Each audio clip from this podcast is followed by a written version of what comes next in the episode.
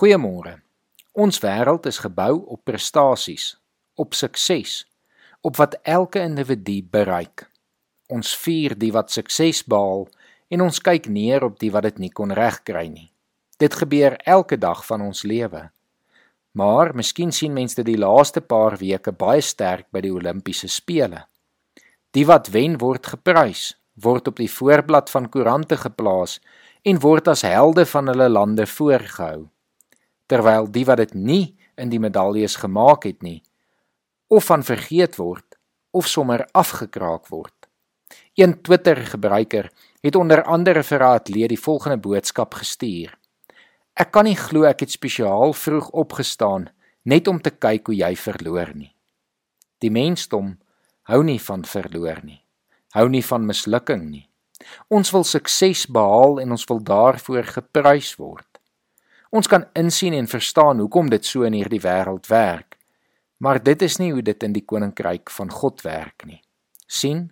Want ons het almal reeds in die koninkryk misluk. Ons het elkeen maar die koninkryk binne gekom alleenlik deur die genade van die Here.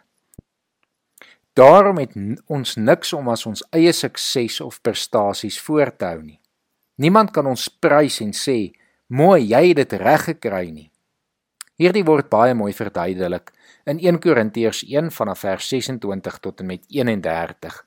Ek lees dit vir ons voor. Dink maar net aan wat julle was toe julle geroep is. Volgens die opvatting van mense was daar nie baie geleerdes of baie invloedrykes of baie mense van aansien onder julle nie. En tog, wat vir die wêreld onsin is, het God uitget kies om die geleerdes te beskaam. Wat vir die wêreld swak is, het God uitgekies om die sterkes te beskaam en wat vir die wêreld sonder aansien of betekenis is, ja wat niks is nie, het God uitgekies om wat iets is tot nut te maak. Voor God het geen mens dus iets om op te roem nie. Aan God is dit te danke dat jy met Christus Jesus verenig is. Hy het vir ons geword die wysheid wat van God kom, die vryspraak, die heiliging en die verlossing. Daarom soos daar geskrywe staan, die wat wil roem, moet in die Here roem.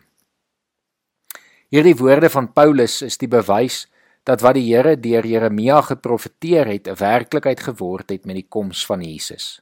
Jeremia 9 vers 23 en 24 sê: So sê die Here: Die wyse man moet nie in sy wysheid roem nie, die soldaat nie in sy eie krag nie, die ryk man nie in sy rykdom nie. Laat hom wat wil roem daarin roem dat hy insig het en my ken want ek is die Here. Ek bewys liefde reg en geregtigheid op die aarde want dit is wat ek wil hê sê die Here. Daarom kan geen gelowige op prestasies eie krag of sukses roem nie. Ons weet ons het in die eerste plek misluk maar die Here se genade was vir ons genoeg daarom sal ons in nederigheid die Here bly dien en sy naam bly vereer en prys.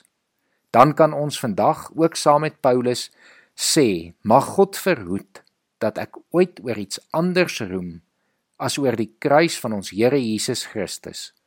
Want deur die kruis is die wêreld vir my dood en ek vir die wêreld. Kom ons bid saam.